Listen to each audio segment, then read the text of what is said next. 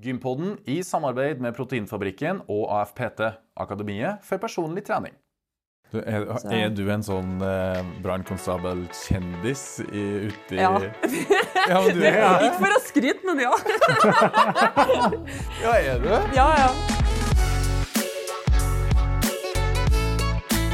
Og velkommen til Gympodden, den joviale pod- og videoklassen for deg som er glad i trening, ernæring og den aktive livsstilen. Fylt med digresjoner, god stemning og spreke kvinnfolk i fyr og flamme. I dag har vi tatt tur til Stokke i Vestfold. Vi har fått lånt et møterom av daglig leder i Proteinfabrikken, eh, Egil Berli Johnsen, som ligger rett ved Borgeskogen treningssenter, der vi skal ta oss ei økt etterpå, Fredrik. Og som alltid, en kjapp introduksjon eh, av oss for eventuelle nye lyttere. Navnet mitt og han som snakker, Lasse Matberg. Jeg er en av to trøndere som utgjør pod- og videokassen Gympodden. Og jeg sa navnet Fredrikstad. Hvem er du? Fredrik By. Og Fredrik By. Du er den andre halvdelen som utgjør podkasten. Og alle tidligere episodene Fredrik, de kan du enten høre der du hører podkast, Ja. eller du kan se dem i fullformat på YouTube, for vi filmer herligheten. Og alle episodene som vi har i sesong 1, 2 og 3, de ligger ute der. 120 stykk, over 120 stykk, så det er bare å forsyne seg hvis du nettopp kom over oss. Men vi starter ingen episode uten å ta en liten fot i bakken på hvordan det står til med formen. Og Fredrik, har du vært på gym i det siste? Du har vært litt ut i det siste. Ja vel. Og det er jo en veldig enkel Ut av form? Nei, nei, nei. nei, nei. Begynner å komme i form. Hei! I løpeform. Hei! For det har det seg jo sånn at vi skal springe halvmaraton i august. Det skal vi. Ja, så nå På hjemmebane å... i Trondheim. Helt riktig. Så nå må jeg begynne å få i gang beina mine litt. Ja. Eh, Det er litt uvant, så jeg kjenner at eh, litt kortere distanser til å begynne med er smart. Um, så jeg sa jo at vi skulle på tur på Borgeskogen treningssenter. Skal vi heller ta oss en løpetur? Det kan vi godt. Ja, OK. Kanskje en intervall bare bli ferdig med. Nå er det ganske sent på kvelden. Bli ferdig med det, og så få gjort. Kanskje vi skal ta med oss gjesten nå? Kanskje.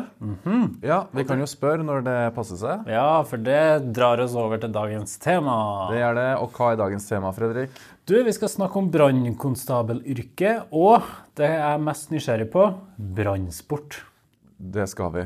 Hva tror du det handler om? Om å tente ting, eller eh, Nei, nei, nei. nei, ting? nei, nei, nei. Eh, Jeg har jo rimelig god kontroll på hva brannkonstabelyrket går i. Vi har jo hatt en prat med Jørgen eh, i en tidligere sesong. Det er bare å søke opp den hvis at man har lyst til å se den. Men denne brannsporten Jeg har sett noen videoer på YouTube. Og det ser jo, det tar jo bare helt av. Eh, Det ser ikke så praktisk ut. Det ser ut som de bare flasher litt med hvor flink vi er til å rulle ut slange og klatre i stoga. Ja. Eh, Men bortsett fra det, så har ikke jeg så god kontroll på hva, det, hva som skjer. Og så har jeg også sett at det er sånne lag som kommer inn eh, på en brannbil, og så hopper det ut. da. og så samarbeider de om å rulle ut slange fortest og klatre opp den stogene fortest. Det er mye greier. Veldig mye greier. Så hvis at de er like flinke til å slukke branner som de er til å legge ut slange og gjøre denne konkurransen, wow, da er vi i trygge hender. Vi må spørre dagens gjest om det om litt. Ja, for hun sitter jo her i fyr og flamme, som du sa, for å ta ordet og komme til Eller for å komme til ordet. Ja. Da er det bare å kjøre en liten introduksjon. Da gjør vi det. Dagens gjest vokste opp på Heimdal i Trondheim. Og hun jenta her var ekstremt sjenert som liten. Hun turte aldri å være med på noen slags idrett, men faktisk holdt hun seg litt til hest og ridning. Et lite unntak var, var et blaff som O-løper. Men det var mest for å få dratt til NM i Bodø, der flymuseet var. Etter besøket på flymuseet ble hun brått flygal. Jagerflypilot var den store drømmen, og Forsvaret var målet. Rastløs og med konsentrasjonsvansker kunne hun ikke bli ferdig med videregående fort nok for å starte på befalsskolen. Der ble det kavaleriet og vognkommandør i storm, stormpanservogn. Det endte opp med åtte år i infanteri i Hæren, bl.a. Telemarksbataljonen. Sju år som systemoperatør, eller skytter, doorgunner, på et helikopter. Men etter 15 år i Forsvaret så takka hun for laget, og etter noen år ble hun brannkonstabel i 2014. Hun har faktisk aldri likt å konkurrere, men konkurranseinstinktet Men konkurranseinstinktet tok fyr når hun ble verdensmester i Ultimate Firefighter 2000, i 2017. I dag kan hun se tilbake på 18 VM-titler spredd utover i diverse brannsportgrener, derav ni individuelle. I dag, som jeg sier sjøl, er hun stor, sterk og tøff i trynet, men får samtidig helt packeren av edderkopper. Med det så kan vi bare ønske velkommen til hun som har klippekort på legevakta. Så nå er vi faktisk klar for å sjekke tempen på dagens gjest. Ta vel imot Mai Tømmervoll! Nydelig. Takk. Vet du, det var den lengste introen vi har hatt på fire sesonger. Hva er det som men- skjer? Det er jo eh, allsidig dame vi har fått med oss, da. For et liv! Hvor skal vi starte? Alle, vi må starte. Har du vært nå på gym i det siste? Selvfølgelig. Ok, Ja. Når var det? Nei, det er et par timer siden. Ok, Hva gjorde du? Eh, først hadde jeg en eh, core-økt med kettlebells. Eh, og Core med kettlebells, ja. Ja, Hva gjør du da? det er Turkish get-up, windmill Ja, de tinga der. Ja. Så kjørte jeg en Moi spesial, som har fått navnet. Og da er det litt mer retta mot uh, brannsport. da. Jeg kjører to og et halvt intensivt, halvannet minutt pause, seks runder.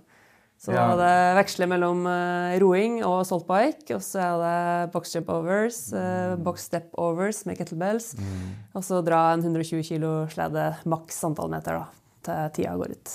Det høres ut som ei veldig funksjonell og fin treningsøkt. Absolutt. Er det sånn at du var funksjonell og sporty når du var lita jente? Nei, overhodet ikke. Å, nei. nei, jeg var, som du sa i introen, jeg var ekstremt sjenert. Så jeg torde egentlig ikke å være med på noe lagidrett eller eh, noen ting. Nei. Å ja. Så jeg holdt meg til hest og ridning. Der Ja. fant jeg trygghet. Og, Ja, for da var du alene på hesteryggen Ja. og bare ja, og følte liksom jeg kunne få kontakt med dyrene. Og jeg var Ja. veldig glad i dyr og sånn. da. Men Ja, eh, nemlig. ja, alt som hadde med gym og trening og sånn, det, det var midten av 20-åra før jeg gikk inn i gymmen for første gang. Det? Ja. Når fikk du ditt første medlemskap på gymmen? da? Eh, Det var den jeg slutta i Forsvaret, tror jeg. Var det det? Ja, I 2014. Ja, okay. Ja, for du har sikkert alltid hatt et Ja, da hadde jeg jo gym i. Forsvaret. Ja, Ja. hadde det. Men det tok lang tid før jeg brukte det i Forsvaret òg. Ja, men, ja, men Forsvaret, da, må, da er det jo opptaksprøver og fysiske Mm. krav. Hva gjorde du for å klare det? da? Jeg sprang i skogen hjem, og så tok jeg situps på barnerommet. holdt jeg på å si, på pikerommet mitt. Så Ja, noen pushups. Men eh, jeg gjorde, ja, det funka jo, men jeg gjorde ikke noe særlig bra på opptaksprøve. det gjorde jeg. Eh, Fordelen min er at jeg hadde jo vært heimevernsungdom eh, et par år først. Mm. Så når jeg kom meg liksom gjennom de fysiske testene, og Mm. så var det jo opptaksuka der du skulle ut i felt og på med utstyr og Ja. sånne ting. Og det var jeg vant til. Og jeg syntes jo det var artig å være i skogen og krige og holde på med de tinga der. Så Ja. sånn sett berga jeg, da. Men jeg syns det var jeg, jeg syns jo det var kjipt å hele tida ligge etter guttene. For jeg var eneste dama som kom inn. Da var det, vet du. Så jeg bodde da på enerom ut, ytterst ute i gangen og liksom avskåret fra resten. Og dette høres jo helt GI Jane ut. Den filmen med Demi Moore. Ja. Var det litt sånn? Uh, Jane var faktisk russenavnet mitt. og jeg hadde pinnkort hår. Nei! jo, jo. Du tok en Jeg tok en helt du. ut. Ja, bortsett fra treninga. det, for jeg torde ikke å trene på gym, da. Skinna du deg Ja. Før du kom inn? Nei, ikke før jeg kom inn. Jeg hadde kort hår, hadde jeg. Men uh, jeg skinna den hel Det var tre millimeter, kanskje. Uh, dagen før praktiske eh, årsaker for å blende inn, eller Nei, det skulle være en av gjengen, da. Alle sammen skinna seg før vi skulle på Helvetesuka. Og det slutten. gjorde bedre, du òg. Tenkte jeg, ja, kunne noe dårligere. Hvordan ble det mottatt? Uh, nei, folk syntes ikke jeg var idiot. Jeg tenker på i dag, og det var helt dust, egentlig. Nei, Jeg var så det det, da? Herlighet. Det, Men, men det tar jo en treffer år før det vokser ut igjen. ja, og det er et helvete, for å si det pent. Med hår- hårtuster som står overalt. Og så så 10 000 spenner for å holde det sammen. Da. Så nei, det var, jeg skulle jo være tøffere enn toget når jeg begynte i Forsvaret. Og skulle liksom være en av gutta. Og Men- da, da, da, da, da. Var du beskjeden i perioden her òg, eller? Mm, jeg var introvert, det var jeg. Ja. Det er ganske standpunkt å bare barbere skallen og for å blende Ja. inn. og Du rekrutterer deg inn i et veldig macho miljø. da. Og i hvert fall eh, stormlinja som var det, var jo liksom du, en av de jo, det er jo det, er linja med de største, mannfolk med de største ballene, og der Ja. kommer du og bare Hello, here I am. Ja, og jeg skulle selvfølgelig være tøffere enn alle andre, så det Ja, uff meg. Det ikke bra. Så, men det var faktisk en tilbakemelding jeg fikk eh, som har betydd mest for meg, kanskje, i livet mitt, eh, etter sersjantåret mitt. Så hadde rekruttene, eller eh, førstegangstjenestene, folka, de ga en tilbakemelding til oss på, som befal, da, hvordan vi har gjort det. Mm. de sa liksom du er ravende dyktig, flott vogn- vognkommandør, bla, bla, men ikke vær så guttete. Liksom, vær deg mer deg sjøl. Og det tok jeg til meg. Jeg tenkte ja, jeg må ikke miste meg sjøl som dame. Jeg må faktisk tørre å være dame. Ja. Og det var liksom et skritt videre da, for å komme over den sjenertheten min. Liksom, jeg jeg tør å være meg sjøl, tør å ta plass. Tør å liksom, ja, sette meg i respekt for den jeg er. da. Ikke late som jeg er noe macho- macho-greier. Veldig fint med tilbakemeldinger. ja. Ja. Klarer du å legge fra deg den sjenertheten, eller? Eh, ja, altså, jeg liker jo ikke å stå i rampelyset i dag heller, det gjør ikke jeg, men jeg har absolutt kommet over det. Jeg tåler å stå. Jeg har jo stått foran en del store forsamlinger og Mm. prata og hatt foredrag og litt sånne ting. Um, så det vil jeg jo si at jeg har kommet over greit. da. Ja, ja, ja. Ja. Har du noen tips til folk som er sjenert? Oi! Nei, det, du må bare tørre. Det, ja, du går, eh, sånn som jeg føler, jeg følte at jeg gikk glipp av så mye å være sjenert. Ja. Mm. Det ble plagsomt til slutt. Det, Ja, nesten. det ble en brems på livet, nesten. Ja. Ja. Så jeg føler liksom når jeg gikk gjennom barndommen, at når jeg endelig torsa å ta mer plass, at jeg hadde liksom jeg hadde vært så snill hele mitt liv Jeg har aldri gjort noe galt og ikke funnet på noe sprell. Og jeg hadde liksom min lille gjeng med venner som var rundt meg, men jeg hadde jo fløy jo aldri rundt og fant på masse ting og sånne ting. Så jeg føler liksom jeg hadde et veldig beskytta liv. da, sånn Jeg gjorde, gjorde liksom ikke så mye ut av det. Så jeg tenkte jo da skal jeg jo ta igjen, da. Ja, det, det har du jo virkelig gjort. Med den oppramsinga vi gjorde på introduksjonen, så har du jo Ja, du har gjort en, en god del, altså. Ja. Orienteringsløperkarrieren, da? Hva som, hva som skjedde? Du var så mye i Nei, skogen at du ville eh, like greit bare få jage noen jo, Jagerflyinteressen kom jo før eh, jeg var på Flymuseet. Ja. Eh, Det var Hvordan jeg fikk den, det er jeg litt usikker på, men jeg husker i hvert fall veldig konkret at to jagerfly fløy rett over oss på Heimdal. Ja. Og jeg syntes det var liksom Jøss, fy faen, dødskult. Det der, det har jeg lyst til å bli. Ja. Og så ble jeg helt flygeren. Kun Ja. samtlige jagerfly på rams Hei. den gangen. Og tenkte at var det så mange, da? Var det ikke bare F-16, da? det, det var hele verden, da. Ja, okay. ja, ja. Oh, ja, ok, vi, vi zoomer ut internasjonalt. Ja. Det er bare snikskryt, og så er det bare ett Ja. fly og full. Nei, F-16 hadde jeg liksom, jeg hadde jo masse posters på rommet. Oh, Vanlige folk har jo boybands og sånne ting. Jeg hadde jagerfly. så ja, nei, så Hvorfor hadde jeg en venninne som sprang o-løp, og hun masa litt på å få meg med. Da, så tenkte jeg så bare, jeg er NM i Bodø. Hmm, akkurat det der har akkurat kommet et stort nytt flymuseum. Dit har jeg lyst til å dra. så jeg sprang noen o-løp, sprang meg langt ut på utsida av kartet første gangen. At måtte samle meg inn igjen. Og så var det opp til Bodø. Gjorde nesten det samme der òg. Langt på utsida av kartet. Nei, det her var å drite i. Leve startnummeret av kartet, og så bare dra på flymuseum. Og holdt på å miste flyet hjem igjen. Ironisk ja, faktisk. Herregud. Men eh, militæret og forsvaret ble en liten eh, kjærlighet for deg, da. Hva var det du likte med det? Eh, ja, si det. Det var litt sånn action og tilhørighet og den gruppedynamikken og Ja, altså, Lasse kan sikkert nikke seg Ja, enig. jeg vet ikke om jeg skal hoppe inn eller fylle ut, men det er jo akkurat det. Og det sosiale, det er faste måltid man setter eh, skulder til skulder. Så mye man du, legger, du, du er jo i uniform, så du slipper liksom å tenke på så du blir ikke dømt, da. Um, jeg føler at det er altfor mange som dømmer folk etter førsteinntrykk, og både, både bevisst og ubevisst. Men i Forsvaret, for min del, jeg kunne vært meg helt sjøl. Setter all Jeg er jo fra Sjøforsvaret, alt satt i blått. Um, samme sko, samme antrekk. eh, til dels samme hårsveis som du var inne på. Og det var Kunne bare slappe av.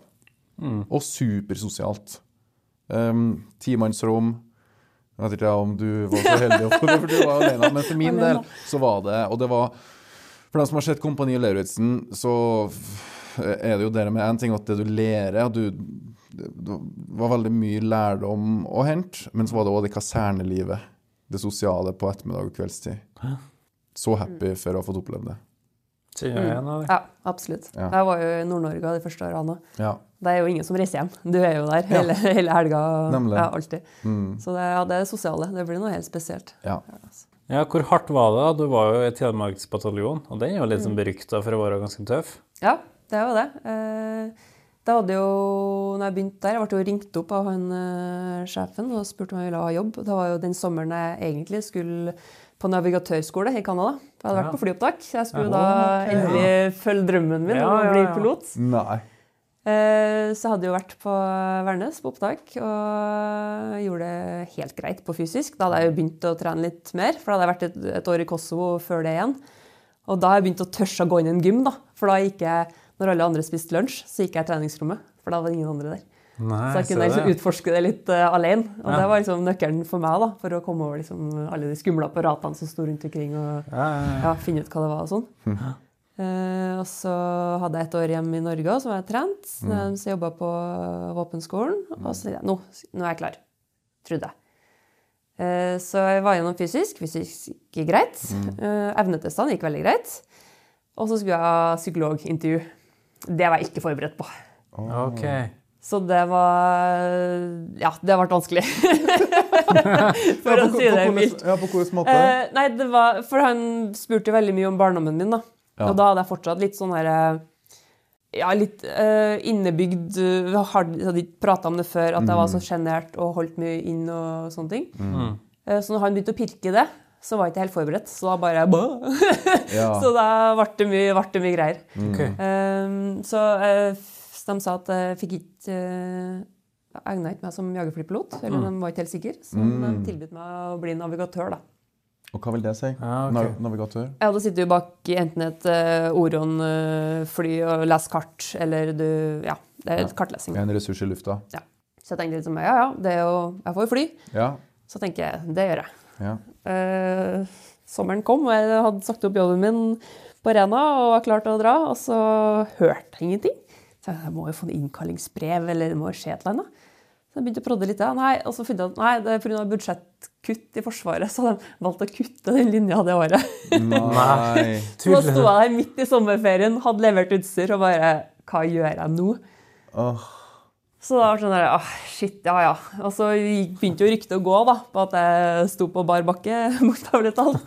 Og så, og så fikk jeg en telefon fra Frank Støland, som jobba i TMB-en. Og så hei, har du lyst til å jobbe hos oss? Jeg bare «Eh, veldig gjerne. Ja, Eh. Så var det inn der. Og da, som du sier, det var et hardt treningsregime der. Altså hardt miljø egentlig òg, for å passe inn. Det var en sånn gruppedynamikk der som var Du skulle prestere. Ja. Var det mye kvinnfolk der? Mm? Var det mye kvinnfolk der? Nei. Jeg var eneste der òg i mekanisert infanteri. Det var noe i stab og trenn og litt sånne ting. Men i mekanisert infanteri så igjen var jeg eneste. Så jeg vant til å være den ene. Så, men, så, men så passa jeg på en eller annen måte inn der, da. Mm. Eh, og så begynte vi å prate om eh, nye opptaksprøver i TMB-en, blant annet pullups. Og da var sånn derre Ja, klarer du en pullups? Klarer du en pullups? For, da- for da tror jeg faktisk jeg snakka med et par damer i staben. Og da sånn derre Nei, faen, jeg tror ikke jeg gjør det, liksom. Jeg måtte begynne å prøve, da. Det gikk jo ikke så bra. og så gikk det en faen i meg, og tenkte jeg Nei, det her må jeg bli god på. Ja. Så da begynte jeg å trene pullups, og trene litt mer ordentlig. da. Gå fast på gymmen. og ja. Tenkte at Pullups skal jeg bli god på. Ja. Jeg tok pullups overalt. Det var sånn der, jeg fant et tørkestativ, så var det et pullups. Altså, det var ja, hver dag. Ja. Så, og det løsna jo, det. Så det, Ja, det gikk bra. Så, nei, det var vel egentlig i TMB-en jeg begynte virkelig å få litt dreis på treninga. da. Begynte å synes det var gøy. Eh, og det var en overgang, for da gikk jo treninga mi lettere når du hadde faktisk lyst til å stå på morgenen og dra på gymmen og ja, Mm. gjøre de øktene, liksom. Hva er ditt beste høydepunkt fra tida i Forsvaret? Åh, det er mange. Jeg tror, jeg tror tida i TMB-en er den, en av de beste. Ja. Men selvfølgelig, når jeg fikk også jobb som dårgunner, så var jo det en, en drøm. Mm. Altså sitte i døråpninga der og med, med den sveiteste børse, for å si det pent. Altså, Sitte med den Gatling gun og bare ei i lufta, det var, ja, det var helt eh, rått, altså. Men Ja, Sett dette i perspektiv for oss, da. Eh, Hvor mange team har du sittet på helikopter? Jeg har ikke anelse. Men uh, altfor mange timer har jeg frosset, i hvert fall. For det var Du sitter døra med døra åpen? Ja, ja, døra er åpen. Og i Afghanistan er jeg jo halvannet år i Afghanistan nå, og der var jo døren tatt av. Så det var jo ikke mulighet til å få varme i det hele tatt. Jeg husker vi drev eksperimenterte med sånne der pasientvarmere med sånne Ja. slanger ned inn overalt og sånn. Ja. Men det hjalp jo ikke. Det var beinkaldt, altså. Så det var, det var mye frysing. Det var det. Men det, samtidig det var verdens kuleste jobb, da. Måtte ofre litt. Faen, det er ei dame Ja, som men- har opplevd litt, altså. ja wow. Men er det, er det tre team hver dag, eller en team hver dag? Er det... Nei, det er variert, men vi hadde oppdrag som var Ja, kunne ta to-tre timer. Da, det, vi hadde jo forskjell på Tenk på Afghanistan, da. da Fløy uten dører og sånn. Så hadde vi jo tack low og tack high. Tack low, da var vi liksom rett før vi skulle eventuelt skulle inn på et target og fløy lavt og vi måtte være på.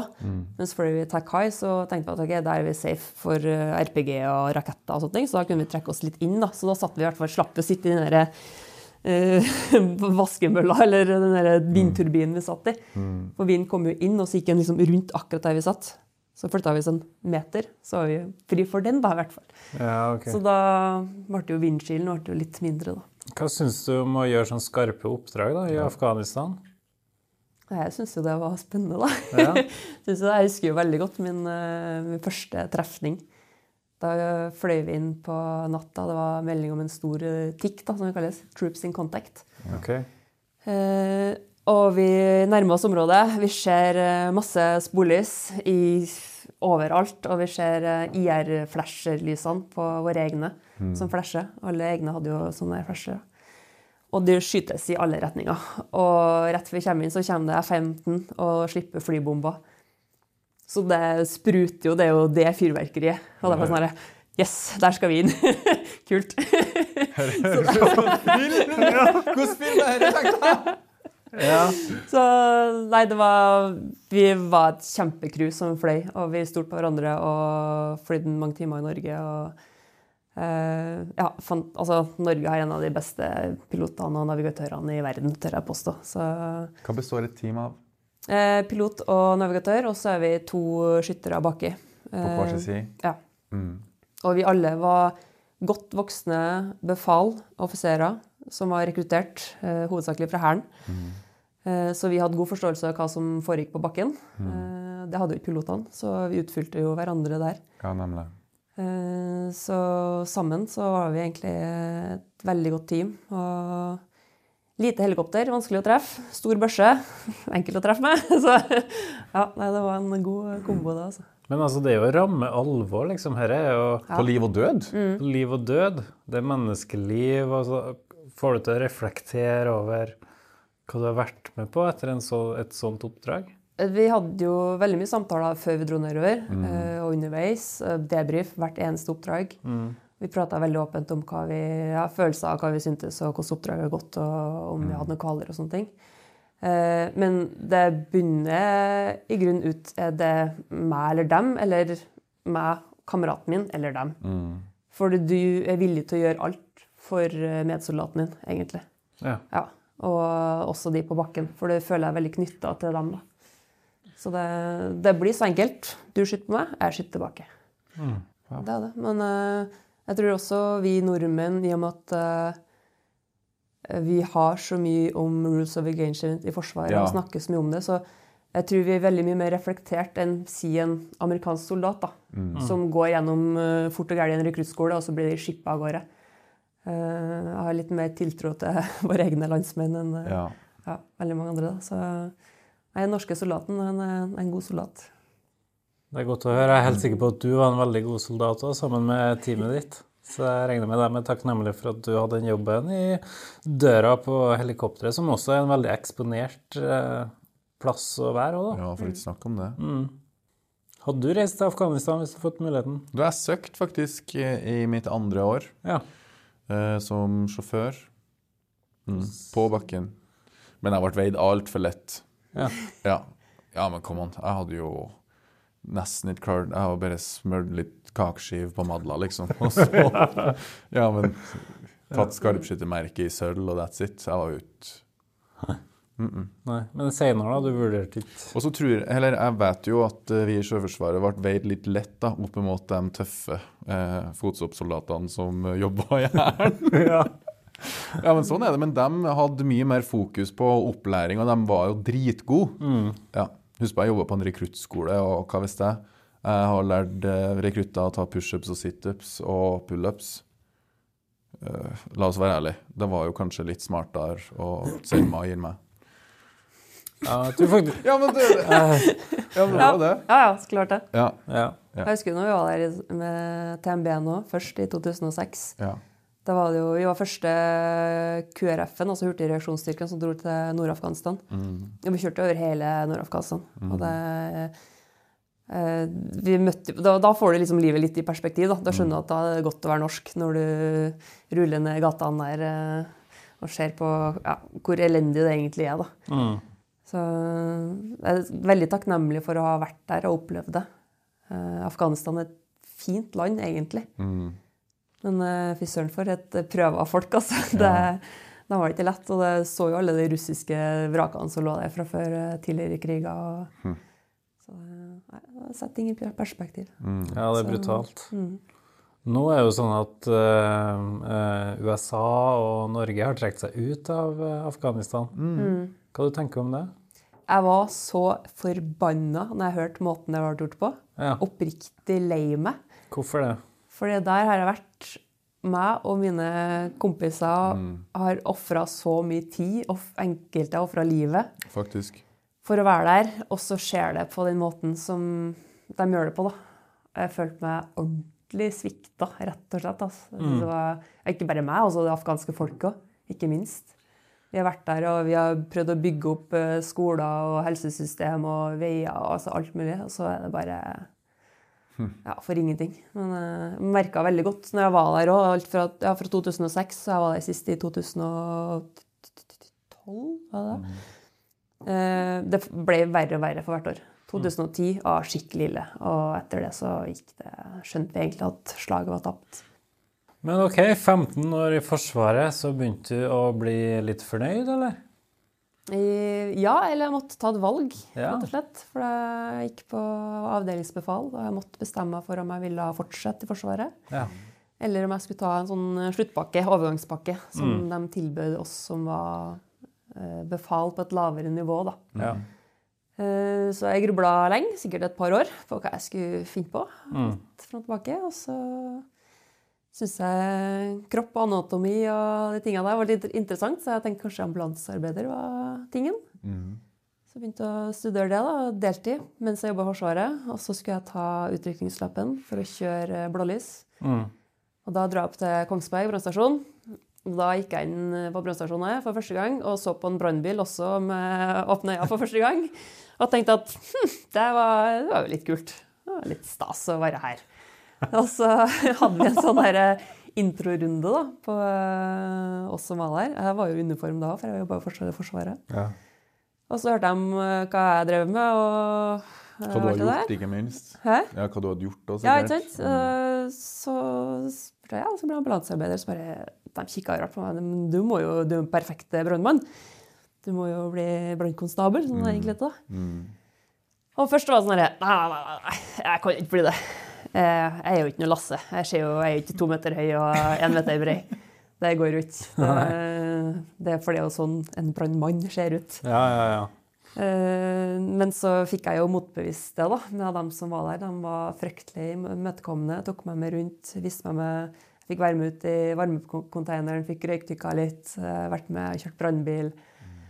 Og etter de dagene så jeg var jeg var så frelst. Det hadde jo skjedd lyset. Jeg bare kom hjem og bare sa til mannen min bare Drit i den der ambulansen, jeg skal bli brannkonstabel.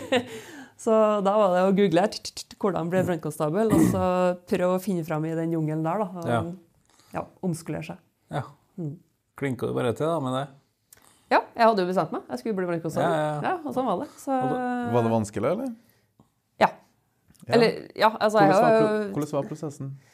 Eh, Nei, vanskelig var egentlig å finne ut hvordan du skulle bli det. For mm. den gang da så var det så mange veier inn i brannvesenet. Mm. Og hvert eneste brannvesen hadde jo forskjellige opptakskrav Ja. og måter å gjøre det på. Og noen var veldig åpne om det, og noen hadde det hemmelig. Ja Så, sånn var sånn, ok. Eh, så i hvert fall første bud var jo å få fått seg et røykdykkerkurs. da. Og det, jeg jobba på Rygge, og der var jo eh, flyplassbrannvesenet var jo også der, holdt kurs. Så da var jeg heldig og fikk en av de få befalsplassene. For de utdanner egentlig brann- eh, brannsoldater fra vernegang- førstegangstjenesten. Så jeg fikk plass der, og ble jo enda mer frelst, for det var jo herlighet. Det var fem uker med røykdykking og klippe i biler og overflateredning. Og, nei, det var kjempeartig. Så jeg var jo helt sikker på at det her er veien å gå. Eh, og så hadde jeg lastebillappen og mye andre kurs fra før, i og med at jeg har vært på Forsvaret så lenge. Eh, og så var det som sagt å begynne å google. da. Ok, eh, Ta et område, Østlandet, hvor jeg kan søke hen. Og så var det å følge med på stillingsannonser, hva som ble ledig. Eh, og så prøve å finne ut hva var det det brannvesenet skulle ha, hva var det det brannvesenet skulle ha. Og så ok, prøve å spisse seg inn, da. Og så ble jeg jo kjempepositiv, for eh, brannsjefen i Tønsberg han gikk ut og sa at eh, det samme året som jeg tok røykdykkerutdanninga, nei, vi trenger flere damer hey. i brannvesenet. Yes! Ja. Yes! My time, liksom. Perfekt timing. Eh, Så jeg hadde jo skyhøye forhåpninger når jeg leverte søknad til Vestfold interkommunal brannvesen. Eh, ble slått kraftig ned. For jeg, jeg kom ikke inn på opptak engang. Hvorfor ikke? Fordi jeg hadde verken fagbrev i håndverk, og jeg var ikke fullverdig brannkonstabel, for jeg hadde ikke vært på Norges brannskole. Jeg hadde kun Forsvaret sitt. Ja. Eh, Så da var det siløpa ned og bare OK, greit, ja, ja, hva skal jeg gjøre nå? Og så etter hvert så kom jo Kongsberg og Sandefjord og lyste ut dem òg. Og de var ikke så rigid på det fagbrevet, da. Så jeg Nei. tenkte at jeg prøver der. Så var jeg på opptak på Kongsberg og kjørte på dirreren derfra ned til Sandefjord. Opptak der. så øh, var jeg så heldig å komme inn i Sandefjord. De var jo helt over seg. Jeg syntes det var helt topp å få inn ei dame som var sprek og hadde alt det der i Ah, bakgrunnen min. Så det var en helt motsatt mottakelse igjen, da. Ja. Så jeg bare, ja, kult. Så da ble jeg første dama i brannvesenet der. Og Ja. var 175 år eller noe sånt. Så Hei! Sto i lokalavisa. Måtte selvfølgelig inn der. Ja.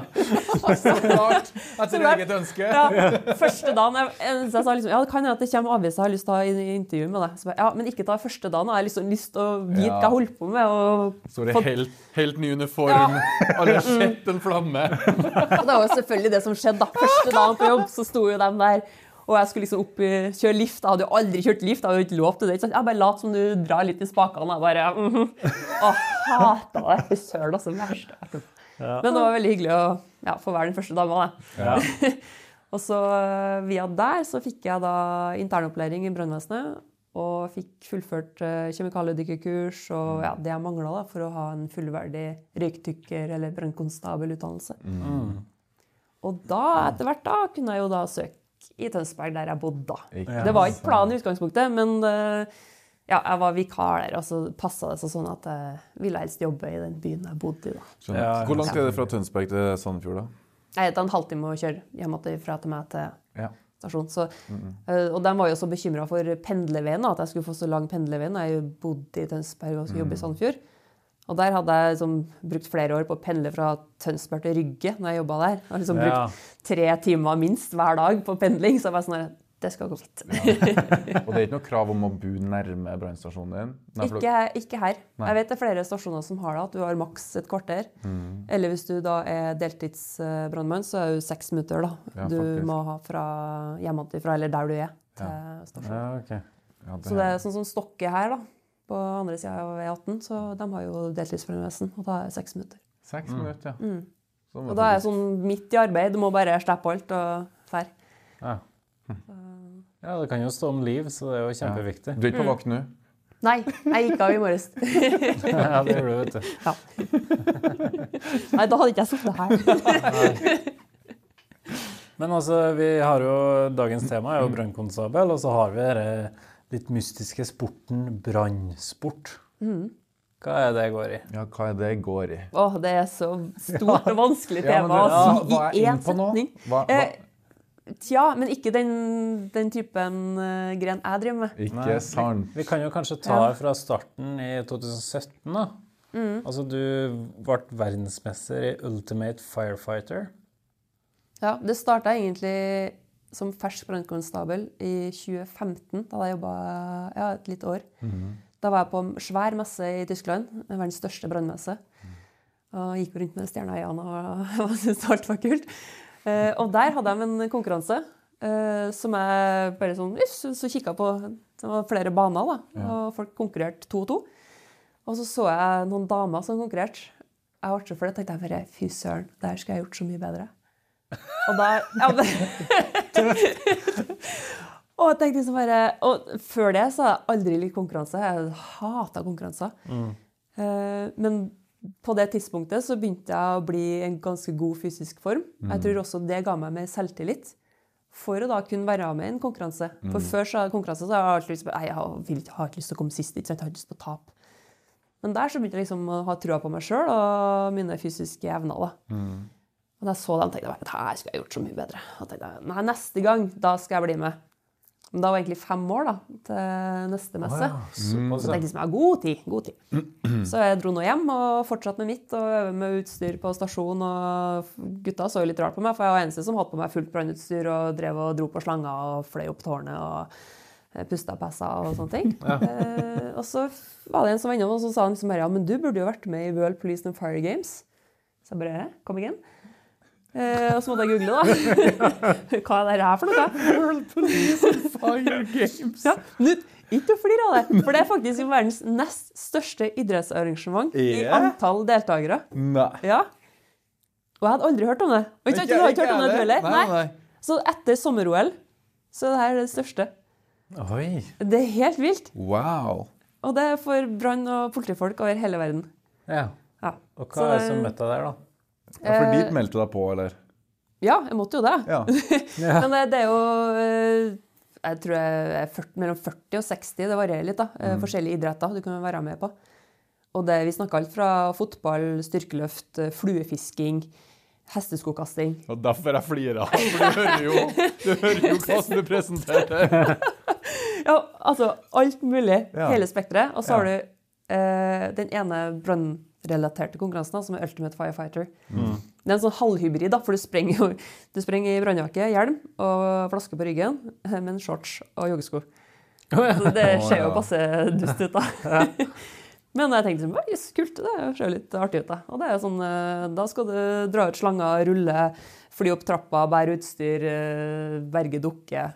Masse kule ting da, Ja. som jeg likte å holde på med. Så det var jo da i 2017. tenkte jeg, ja, ja, vi får dra over. Eh, og ble verdensmester. Fra å aldri ha konkurrert og hatt konkurranse til å bli verdensmester, da var det sånn helt surrealistisk. Det var sånn her. Men var det heat? Var det møtte bare opp? Var det one take, one go? Eller var Nei, det det var en fryktelig lang dag, for det var fire etapper du skulle gjennom. Eh, og det var dårlig organisert. Sorry, USA, men det var skikkelig dårlig organisert. For det, var, det gikk flere timer da, mellom hver gang. Ja. Selve etappen var kanskje to-tre minutter lang. Så du måtte jo, jeg- Og jeg var jo helt fersk. Jeg måtte jo drive og varme opp, finne ut hvordan skal jeg varme opp det greiene her, og hva er for mye, hva er for lite. Ja. Eh, Så det var litt sånn der, eh, ja, innbytterpuls og de tinga der i starten. Eh, Men etter en fryktelig lang dag, da, så var det samla tida som var, og så ja, vant jeg. Vet du Det var, Det det var sjøltillitsboost, for å si det sånn. Det vil jeg tro. Fikk du medalje og Ja, ja. Ordentlig svær, feit medalje. Det var, Var det seremoni og full pakke, eller? ja, det var jo på banen, da. Nei, ikke nasjonal... Nei, det var ikke det. Nei. Men det var sånn podium og utdeling og ja. Men var, var du eneste norske som var med, eller var det flere som Ja, med? Ja, jeg er eneste som norske. Ja. Så, og da møtte jeg, der så møtte jeg jo flere som sa at, uh, nevnte en annen type konkurranse. da. Uh, Firefighter Combat Challenge. uh. Pluss at jeg ble jeg la jo det her ut på Instagram, så ble jeg jo kontakta ja, men du må være med, med på FCC, da, som er forkortelser. Og så tenkte jeg oi, enda mer konkurranser, det er gøy. Og så begynte jeg å google, og så bare oi, det er jo masse i Europa som jeg kan være med på. Jeg tenkte ok, neste år da skal jeg være med på det. Så var det å sette seg inn i regler og alt, men det var ingen i Norge som hadde drevet med det her før. Eh, Så jeg gravde jo sikkert hull i hodet på hun stakkars tyske venninna mi som eh, hadde gjort det her før. da, og 10 000 spørsmål om regler og hva skal jeg ha med. og Prøve å skaffe meg utstyr, for jeg kunne jo ikke ta med brannutstyret mitt som jeg brukte på jobb. Jeg måtte jo skaffe meg noe som ikke har vært i brann, for det skulle ikke være oh, ja. kjemikalier i utstyret mitt. og Nei, Jeg måtte liksom ha et eget utstyr. da, Så var det liksom prøve å få raska sammen det.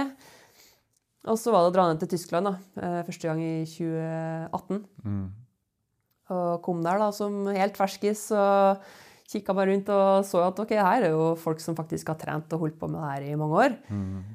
Eh, Så jeg ble satt i heat med ei dame litt sånn tidlig på dagen. Der de, for de starter som regel med de dårligste, og så avslutter med de beste, da. Mm. Eh, Så jeg liksom var jo en sånn derre side note. Ok, ja, nå May from Norway, liksom. Applaus, og så var det gjennomfør, da. Og idet jeg går i mål, så holder jeg jo på å dø. Altså, jeg aldri vært så sliten i hele mitt liv. Det Du ga brenner. Ja, men det var så sjokk å gjennomføre den banen. For Ja. du Hvor stiller mange opp i mange minutter tok det? Det er det som er litt morsomt, da. Ja. For det kommer jeg til etterpå. Men Ja. du, du springer jo i eh, brannbekledning, Ja. eh, maske, luft. Ja. Så blir det jo veldig varmt. Pluss at du må jo du må, du må jobbe med å få puste. Det, det er jo som å ha litt klaus inni den maska. Mm. Eh, og den intensiteten, da, for du gir jo bånn gass, ikke sant? Og skal gjennom. Og det her var helt ferdig. Og det siste du skal gjøre, er å dra en 80 kilo dokke, da, 32 meter, inn til mål. Og da er du ferdig. Eh, men så kommer jeg i mål, og så ser jeg jo på tida at eh, yes, 2.38. Eh, og det viste seg at for å være med i en sånn eksklusiv klubb, Fire and Fight Club, så må du springe under tre minutter. Og det var ingen som har vært i nærheten av Nei. før. jeg bare kommer og bare sopp. Så de sto der og bare sånn hva, hva skjedde nå? Hæ? Hva i alle dager? Så det var jo litt kult, det, da. Ja, visst var det vel det. Første løpet, ok, rett inn i den klubben. med sånn der eh, diplom og med ja, egen T-skjorte og patch og mye greier. Det var, gøy. Men gikk du videre til kvarten, eller vant du hele greia, da? Eller hva? Ja, ja, da vant jeg jo min klasse, da. Så klart. Så klart. Så, øh, og jeg fikk jo helt dilla etter det her òg. Og det er jo masse forskjellig. Du kan jo springe som individuell, du kan springe i tandem, to og to, Ja. og du kan springe i lag. Fordi jeg, jeg sitter og gjør litt matten her, for dette var i 2017, og så 2018, og så har du 18 VM-titler Mm. etter 2018. Det, det, hvor mange VM er det per år? Er det tre-fire VM per år, da, minus korona? Ja, men det her blir komplisert, ikke sant? for det er så mange forskjellige grener. Du har World Police and Fire Games, så har du World Firefighter Games, som da er lillebroren til World Police and Fire Games. Eh, men det er sånn eh, Jeg kaller det amatørenes mesterskap. For der kan alle sammen være med. Ja. Og du trenger liksom ikke noe sånn Ja, Ja, Eh, ja du må ha trent litt, skal du vinne, Mm. men alle kan være med. Eh, og så har du uh, tre andre hovedgrener, som er da Firefighter Combat Challenge, Firefit. De er ganske like. For det utrente øyet så ser de nesten klin like ut. Men det er noen sånne små differanser. da. Det ene er kanadisk, det andre er fra USA. Og så har du Toughest Firefighter Alive, som er da fire etapper mer lik den Ultimate Firefighter. Og så kan det her varieres med utstyr og ja, stafettlag og ja, i alle retninger, egentlig. Så det Hva er det som er det største, da, liksom? Å Ja, hva, hva er OL innenfor dette? OL, det er Combat Challenge i USA. Okay. Ja. Okay. Hvert år så er det VM i oktober. har du gått til topps der? Ja. Bravo. Bravo. Veldig bra. Og når var sist? Uh, I fjor. Ja. Skal du dit i år? Nei, eh, i år har jeg lyst til å prøve den kanadiske utgaven. Ja. Firefit. Men det er ikke helt OL. Det er ikke helt der. Nei, det er litt færre folk som driver med det, men eh, samtidig så Canadierne er utrolig trivelige, inkluderende folk. Mm.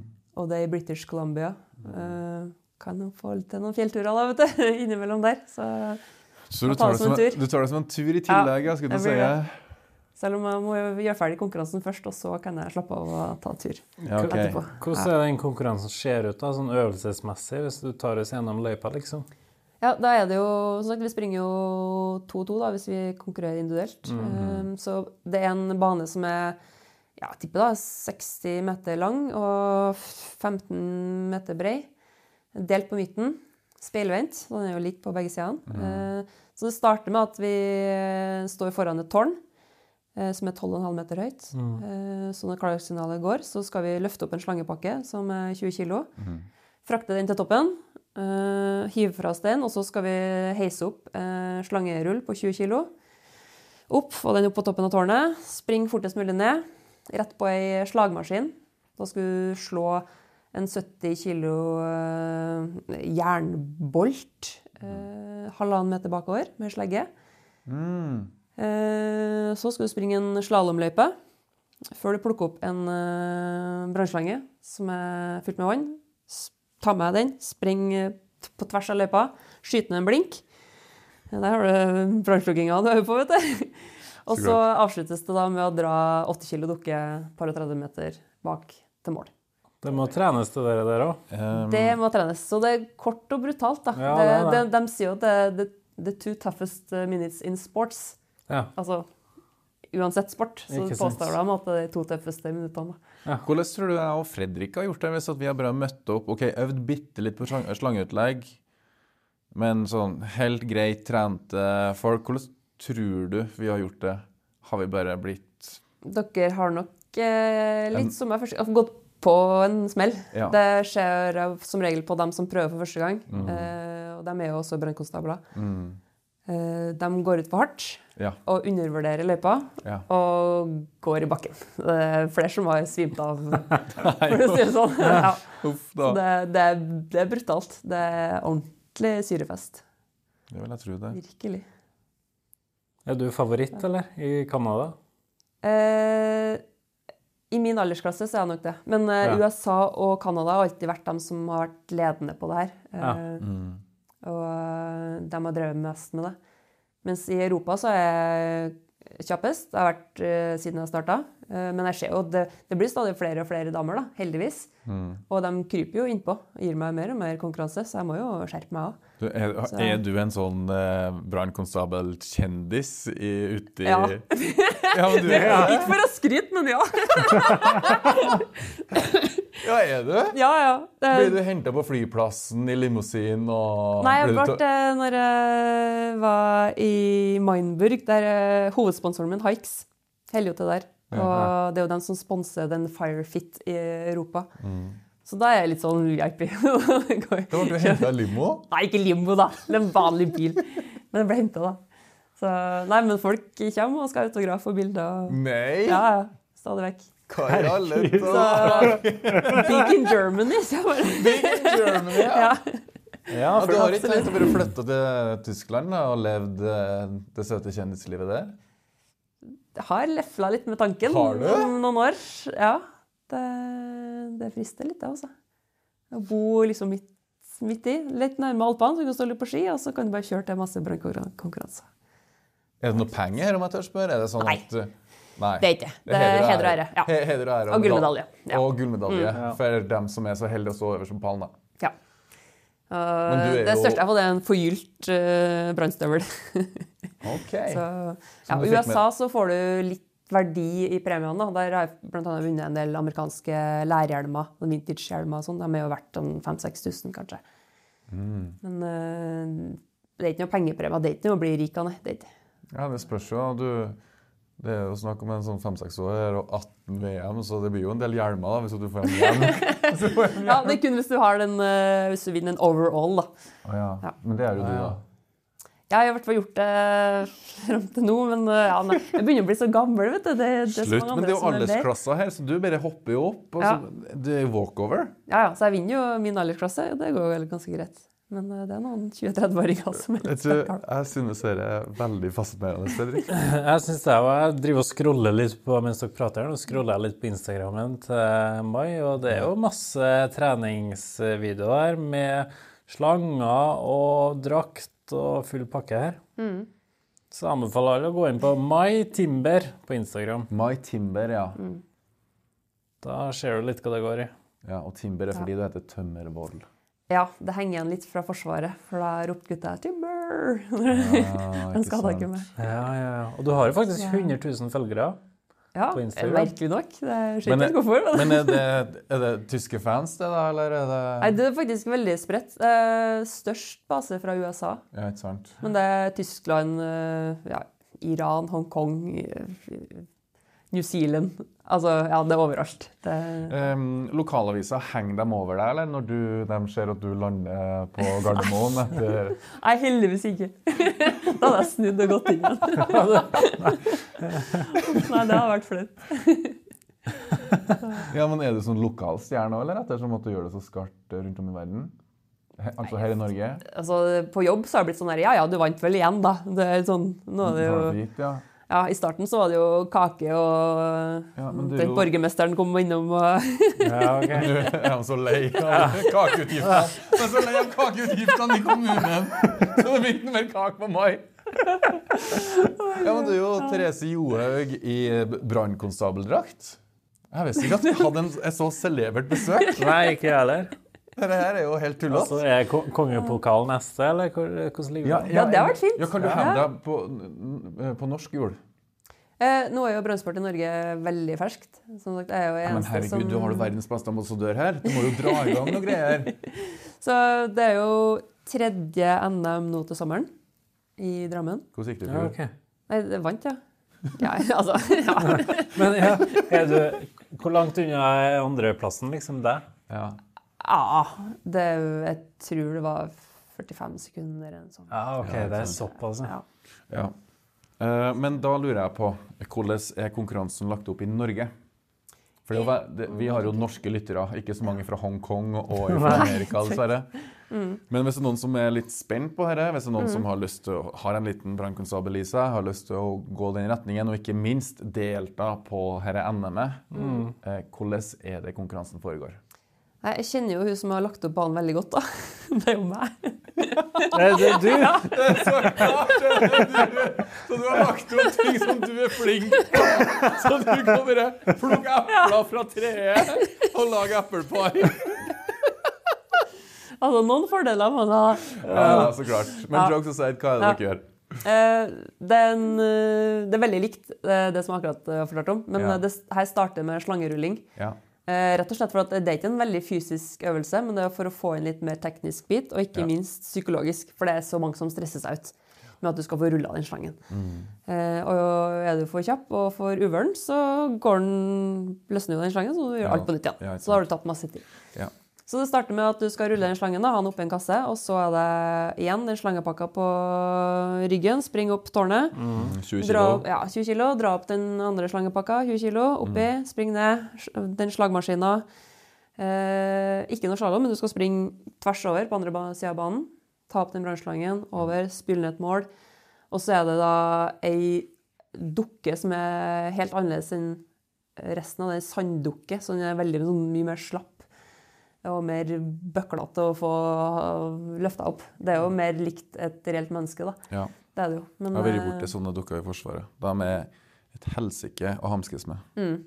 Ja, og når du Men, da veldig, har reali er veldig realistisk. Veldig realistisk, og Ja. når du har da puls på 180 og begynner å bli sur i låra, så er det fryktelig tungt å få dratt inn Mm. i mål. da. Så denne løypa da Det er litt kortere du drar, det er liksom mellom 20-25 meter cirka på den dukka. da. Mm. Men det var rett og slett fordi at vi så på prøve-NM at eh, det var så mange som sleit. Ja, Litt sant. Ja, og Så tenkte vi ok, vi tar heller litt kortere, og så får vi folk til å bli interessert og ha lyst til å bli med. I stedet for å dra liksom Ja, for 80 kilo, det begynner å bli kroppsvekt for mange damer, da.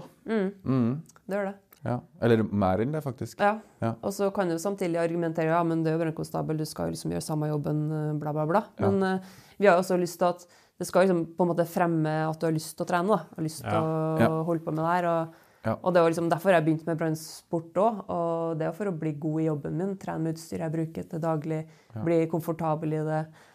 Og ha det litt kjipt da, inni den mas maska for å kunne gjøre en god jobb når det faktisk er reelt. da. Så hvis flere kan begynne å tenke sånn, og har lyst til å bruke brannsport og konkurransen som et ja, påskudd for å faktisk eh, drive med det på brannstasjonen, så er jo jeg kjempehappy. Da er jeg jo egentlig i mål med det Ja. jeg har lyst til å få til. da. Hvem er det som organiserer konkurransen? Nå er det Brannsport Norge Ja, ok.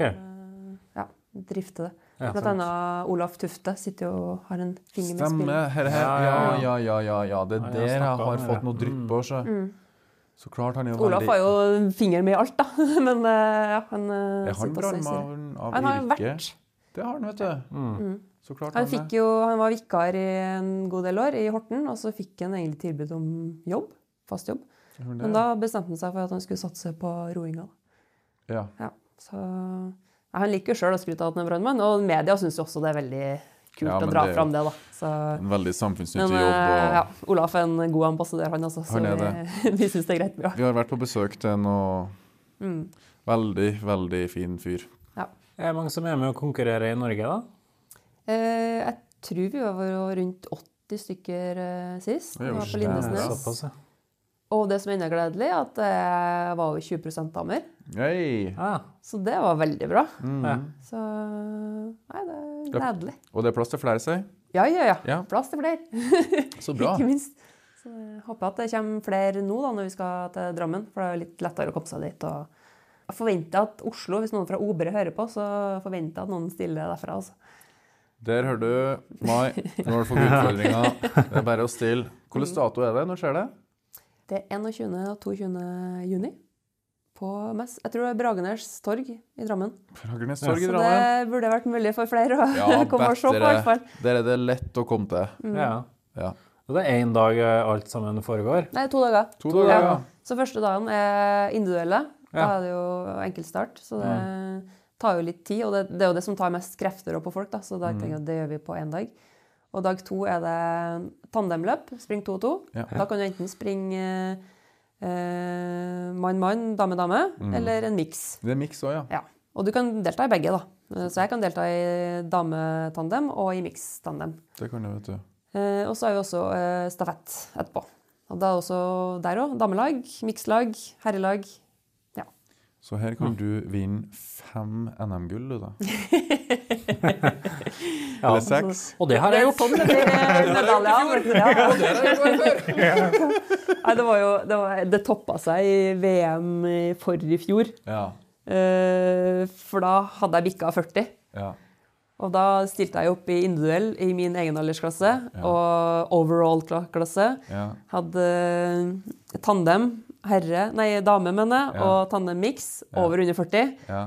Og da stafettlag over under 40. Så jeg sopa jo med meg jeg tror, sju medaljer. sånt. Det var-. Det var nettopp det jeg Ja, skulle fram til og i stad. Og etter det så kom det regelendringer. Du må velge. Du kan ikke delta i både under og over 40. Så, Kvinnenes svar på Michael Phelps, han som vant sånn ti OL-gull, eller hva det var. i et OL. Nei, steinbra. Ja, og da han kommentaren som sto på banen, han bare sånn derre May Hummel, is that you again? så var jeg, ja, det var meg. Men da var jeg sliten etterpå. Altså. Det jeg Herregud, ja, da var jeg daudsliten. For jeg har liksom brukt tre dager på kvalifisering først. For du kvalifiserer deg i hver enkelt klasse. Eh, og prøvde å sagt, og jeg satte jo verdensrekorder da òg. Uh, så hadde det som mål. Og så liksom skulle jeg gjennom Individuelle var jo én dag, men så da siste finaledag, altså alle de løpa. Jeg var så sliten at jeg krabba av banen til slutt. Men Ja, ja.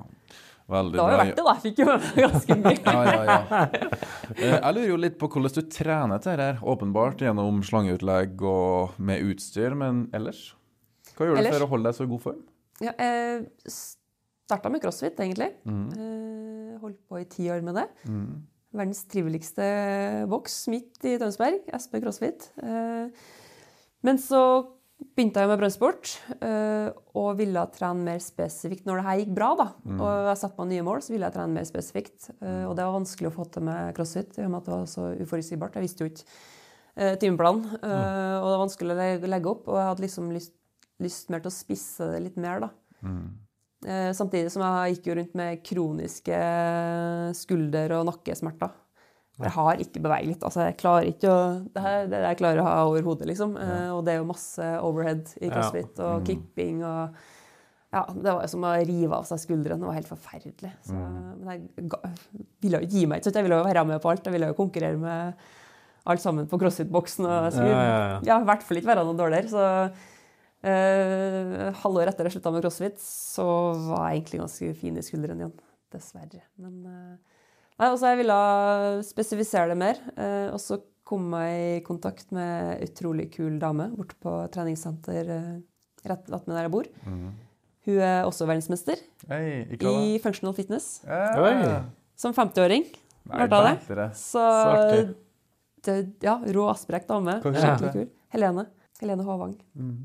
Så eh, vi begynte å prate, og hun, hun er jo da personlig trener borte på det treningssenteret. Og så hadde jeg egentlig lyst til å begynne med coaching. Og jeg hadde lyst til å få meg en coach, for jeg, jeg syntes det, var det jeg synes var vanskelig at, uh, å time og få til eh, formtopp inn mot konkurransene. For før det så har jeg gått på et par skikkelige smeller. Uh, Så i Europa så har jeg tapt to ganger i min karriere. ene gangen var fersk og for overivrig og hadde egentlig seieren og europamesterskapet i boks. Og så skal jeg bare dra på skikkelig, og så snubler jeg to meter før mål. Nei. Med dokka over meg, så jeg ligger og kaver som sånn fisk på land for å få av meg den der 80 kilo stokka og komme meg i mål. Så da ble det en sur tredjeplass. Oh, Jeg måtte gå meg en lang tur etterpå. Ja, det tror jeg på. Så det var lærdom. Og så var det, gikk jeg på en kjempesmell når jeg skulle møte da verdens raskeste dame fra USA. Hun hadde kommet til Berlin for å sprenge der. Og jeg gleda meg så sjukt. Eh, Jeg visste at jeg kunne ikke slå henne, men jeg visste at jeg kom til å få en ny pers hvis jeg klarte å henge på henne. da. Eh, Så det var målet mitt. Og jeg var supergira. Og det her var liksom, de hadde jo, arrangørene visste jo det her, og det hadde satt oss opp i siste løp. og. Masse show og liksom bare Nå skal dere få se et superløp! Og det skal bli kjempekonkurranse mellom vår egen eh, Mai og Amber fra USA. Eh, og så kjente jeg det skurra litt på oppvarminga. Jeg følte meg liksom ordentlig slapp. Men det gjør jeg egentlig normalt òg, for jeg er så nervøs. Altså, Ja. altså, Spent på det ja, som skal skje. ikke sant? Og da du føler jeg jo jævlig uansett, da. Så jeg tenkte liksom bare ja, det er sikkert bare nervøs og sånne ting. Og idet jeg starter og fletta går, og jeg skal ta første steget, så kjente jeg bare jeg kjente jeg var, kroppen var helt ute av styring. Ja. Det var blodsmak fra første steg, og det jeg kjempa meg gjennom den banen. Jeg var helt forferda. Det grusomme løpet jeg noen gang har hatt. Og etterpå var jeg helt ferdig. Jeg tålte ikke å se på en barbell eller noe i flere uker etterpå. Jeg var, Ja. helt, jeg var helt ferdig. Jeg var helt tom. Ja.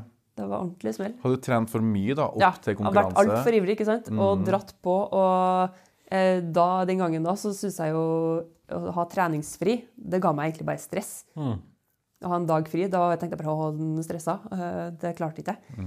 Eh, måtte hele tida trene mer og mer og mer. Og var jo ikke så opplyst om hvor viktig søvn var på den tida.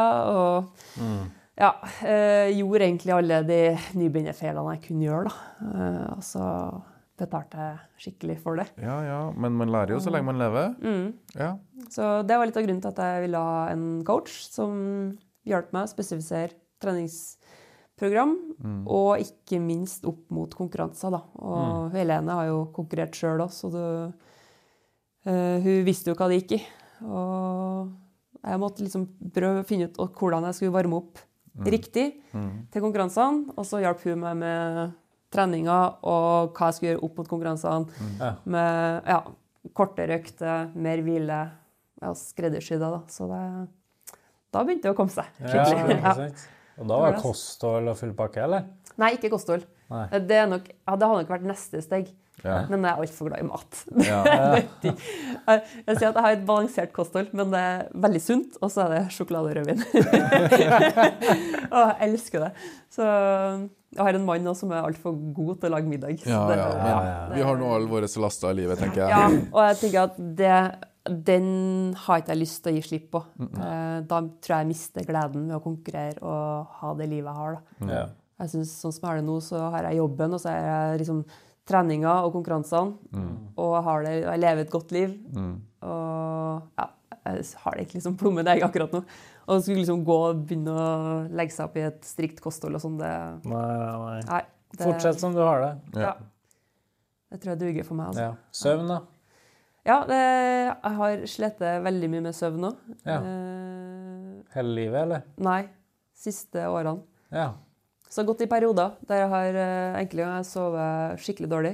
Jeg hadde en periode på tre måneder. Jeg våkna hver eneste natt klokka tre. midt på natta. Oi. Og du kunne nesten du kunne stille klokka. altså. Det var ett eller to minutter fra klokka tre. Nei. Hver bidige natt. Og det var sånn jeg begynte å bli ordentlig frustrerende, så jeg prøvde jo alt mulig rart. Jeg liksom leste jo bøker og hørte jo på podene her med søvn. Og sant? visste jo at det var viktig, ikke sant? så det ble Ja. kanskje mer enn. Men jeg prøvde alt. da, sånn Kutta skjerm, senka belysninga, lest bok, spist Kiwi. Altså tok Ja, Kiwi, magnesium. ja, den superfrukten for søvn. Ja, ja. Og prøvd alt. Og så begynte det å gå seg til, da, etter jeg tok de skrittene her. Ja. Og så har jeg begynt å få litt mer kontroll på det nå, da. ja. Men det går eh, perioder nå der jeg sover eh, Ja, sliter med søvn. Og så hjernen går, altså den spinner, og jeg prøver å legge fra meg ting, men ja, nei, det tannhjula. Det, det er vanskelig å skru av. Har du noen tips til folk som sliter med søvn eller opplever lignende ting som å våkne opp midt på natta? Ja, nei, det var jo som jeg gjorde. da. Jeg prøver jo å legge fra meg telefonen før jeg går til sengs. Eh, Og i hvert fall ikke ha, hvis jeg skal på telefon, så senker jeg belysninga Ja. eh, og gjør de tinga der. Eh, spiser kiwi, faktisk. Ja, det det er fordi at det er godt, da. Ja. Ja. Jeg syns det er godt, da. Og så Ja. tenker jeg ja, ja, om, om det er plass eller ikke, det driter jeg. Jeg syns det er godt og føler at det funker. Mm. Så tar jeg magnesium på kvelden. ja. Og begynt med CBD, er det det? Jo, CBD. Dråper. Eh, for det skal også hjelpe mot søvn, leste jeg. Så Det var min omfavnelse av å prøve å få til alt Ja, som ja, ja. kunne hjelpe. Ja. Mm. Eh, så om det, har, om det er det som har hjulpet eller ikke, det er jeg usikker på. Men det er i hvert fall blitt bedre etter at jeg begynte å ta Mm. dråper av det. Så ja, nei, det prioriterer jeg. da. Prøv å gå fast til sengs, leie fast leggetid, stå i rimelig tid, trene, være ute i frisk luft, Mm. gå.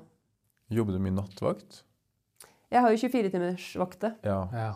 så der og det jo- hjelper ikke akkurat på søvnsyklusen heller. da. Nei. For det, selv om eh, det er jo ikke hver natt det skjer ting, f.eks. i natt, så skjedde jo ingenting. Nei. Så da ligger vi jo og sover. Men eh, jeg sover jo mye mer urolig. Jeg våkner av plutselig kan alarmen gå, da. Ja, ja. Ja. Og inntil jeg fant ut hvordan jeg skrudde ned alarmvolumet på den radioen, så hadde jeg jo tennene i taket hver gang Ja. alarmen gikk. For jeg, jeg våkna av en minste lille ting. da. ja Og så er- det det sånn idiode på eh, TV-en eller et eller annet sånt, så eh, Ja, men lukk øya. Men ja, det, hjelper ikke. Kanskje et dumt spørsmål. Sover dere med klærne på? da? Klar til å rykke ut med en gang? Nei.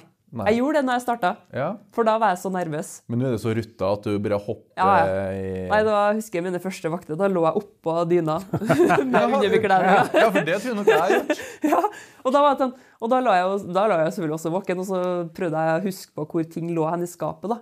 Ja. Og alt av verktøy og sånn på bilen. Og da var det sånn derre Shit, hvor lå det? Nei, å stå opp og må sjekke. Så jeg var jo livredd for å være sist. ikke sant? Det skulle jeg i hvert fall ikke være. Ja, okay. Så etter hvert da, så begynte jeg liksom Jeg fikk jo ikke sove, for det, du får ikke sove når du ligger med klær på. Nei, nei, nei. Og så liksom Ta av seg et, et plagg da, og legge liksom dander på stolen foran deg, og så være klar til å hoppe i dem. Og så til slutt så var jeg, prøvde jeg å ligge med sokkene på. For det var det vanskeligste. da, Få på seg sokkene i mørket. Ja.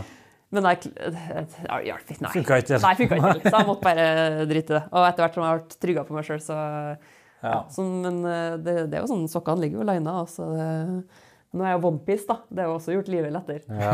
Så det er bare å hoppe oppi den og dra opp glidelåsen, Ja. og så springe av gårde. Ja. Nei, men eh, du sover litt lettere på jobb, ja. Du gjør det. det Hvordan er, hvordan er typisk treningsuke for deg i dag, da? Eh, nei, nå, sagt, nå har jeg jo Helene som legger opp til meg. Ja. Det, for det første så er det jo utrolig digg Ja, å bare ha et opplegg. Nå gjør jeg jo eh, mine små endringer her og der, men Mm. Det er veldig ålreit å ha et opplegg å følge. Så mandag er typisk eh, en eller annen knebøyvariant Mm. og bein. Eh, tirsdag overkropp og langkjøring. Onsdag, det var Da har jeg en core, ja. Det var egentlig det jeg kjørte i dag. For i går var jeg på jobb, og jeg fikk ikke gjennomført det. Så måtte jeg flytte på det litt. Ja. Eh, Så det er core og en hit. Eh, Den som jeg beskrev. Torsdag er litt sånn slurredag. Sånn som jeg, jeg fikk jo ikke gjennomført det på jobb, så da kan jeg liksom gjøre økta i dag. Ja. Eh, eller en fridag hvis jeg føler for det. Mm. Eh, fredag igjen både bein og overkropp, men da er det mer fokus på eh, ettbeins styrke, spenst, eksplosivitet. Eh, for det er et av mine målsetninger å bli, få mer spenst og fraspark i opptrappa Ja. eh, i konkurransen. Eh, og litt eh, overkroppsstyrke der også. Ja. Og lørdag er kortintervall, eller bakkeløp på sommeren. Og søndag er fri. Og nå har jeg lært meg å sette pris på fridagene. Og det er så deilig. Ja, så Ja, nå klarer jeg faktisk å slappe av. Ja. Det tok meg ganske mange år. ja, men det fortjener du etter ei sånn Ja, men nå har jeg jo jeg har lært mer om trening òg. Og du, det er jo når du restituerer at du bygger styrke. Mm. Så ja, du må jo ha, du må ha hvile. Proteiner og sånn, er du nøye på det? Eh, nei, altså, jeg har jo eh, sikkert eh, fullårsabonnement på Tine. Jeg elsker jo cottage cheese og Ja, okay. sånn type produkter. Men jeg tar Ja. ikke noe proteinpulver. det gjør ikke jeg. Jeg tar eh, kreatin. Ja. Det er eneste tilskudd. Vi har jo en par spørsmål som vi bruker oss til eh, gjestene våre. Mm. Og det første er hva er ditt beste helsetips? Mm, får jeg komme med to? Ja. Ja. Nei, første er egentlig helse og skaff Altså ha en jobb du gleder deg til. Ja. For det tror jeg har så mye å si for helsa di. Mm. Eh, at du har en jobb og en hverdag du setter pris på. Da tror jeg også du får bedre helse. Det tror jeg bedre jeg òg, for det er Ja, mange som går eh, rundt omkring på jobben sin og kjenner at vet du hva, jeg er drittlei, men eh, det er vanskelig å gjøre noe med det. Men det er faktisk ikke det.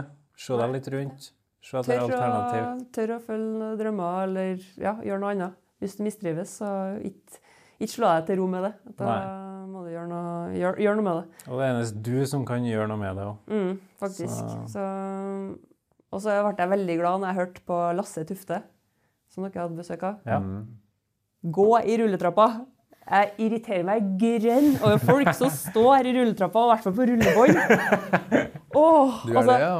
Du, har, du gjør det. Her har du to gylne muligheter. Du kommer deg dobbelt så fort opp, Ja. og du får ekstra god rumpetrening. Ja. For det- trinnene er jo gjerne litt høyere. ja.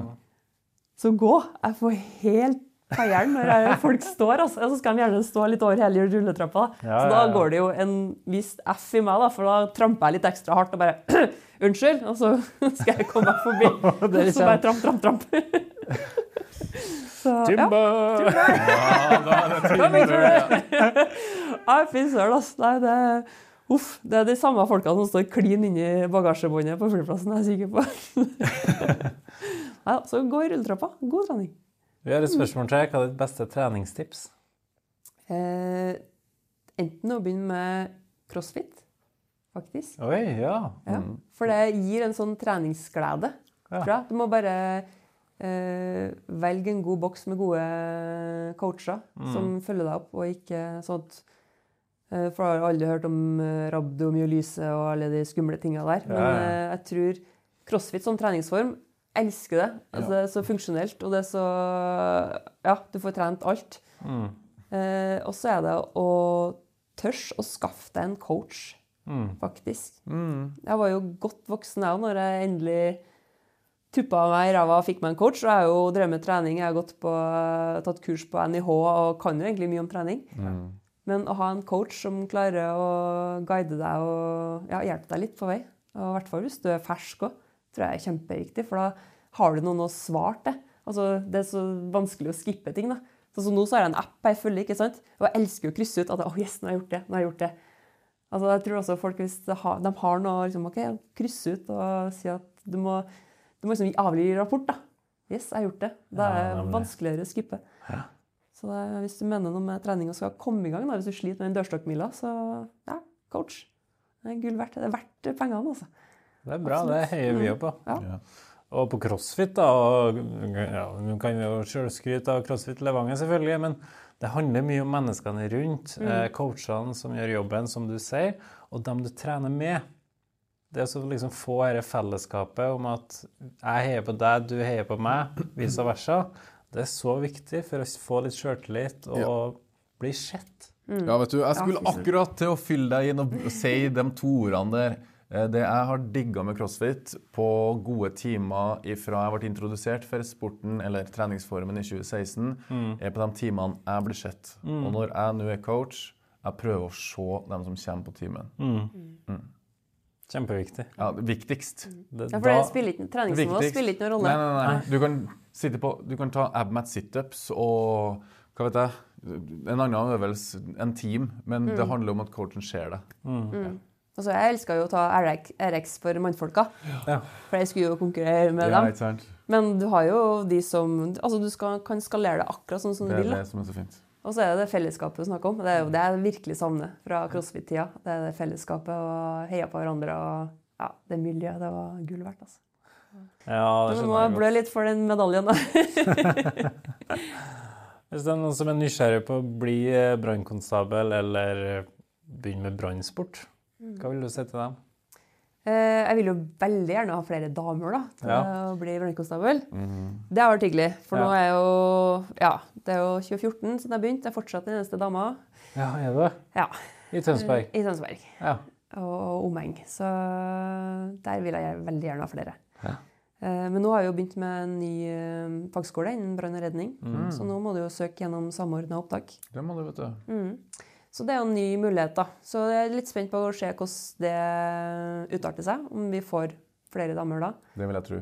Eh, Jeg håper det. Ja, det vil jeg tro. Eh, Det som er veldig bra, er at nå har de jo eh, fått renska opp i alle de der humbug eh, ja, Du er ikke god nok for oss, men du er fin nok her. Ja, ikke sant? Og sånn, det var jo en historie fra ja, skal ikke jeg nevne hvilken by det var, for å ikke henge ut noen. Men stille lengde var et av opptakskravene. Da Ja. viste jeg at uh, minimumskravet var over det som var norgesrekorden for damer.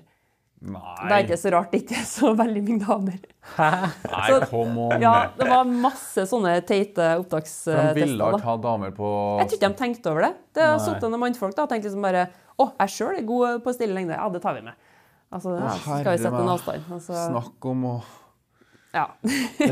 Så, men det eh, er heldigvis historie. Nå er det rydda former, og det, du kan gå inn og se på nett.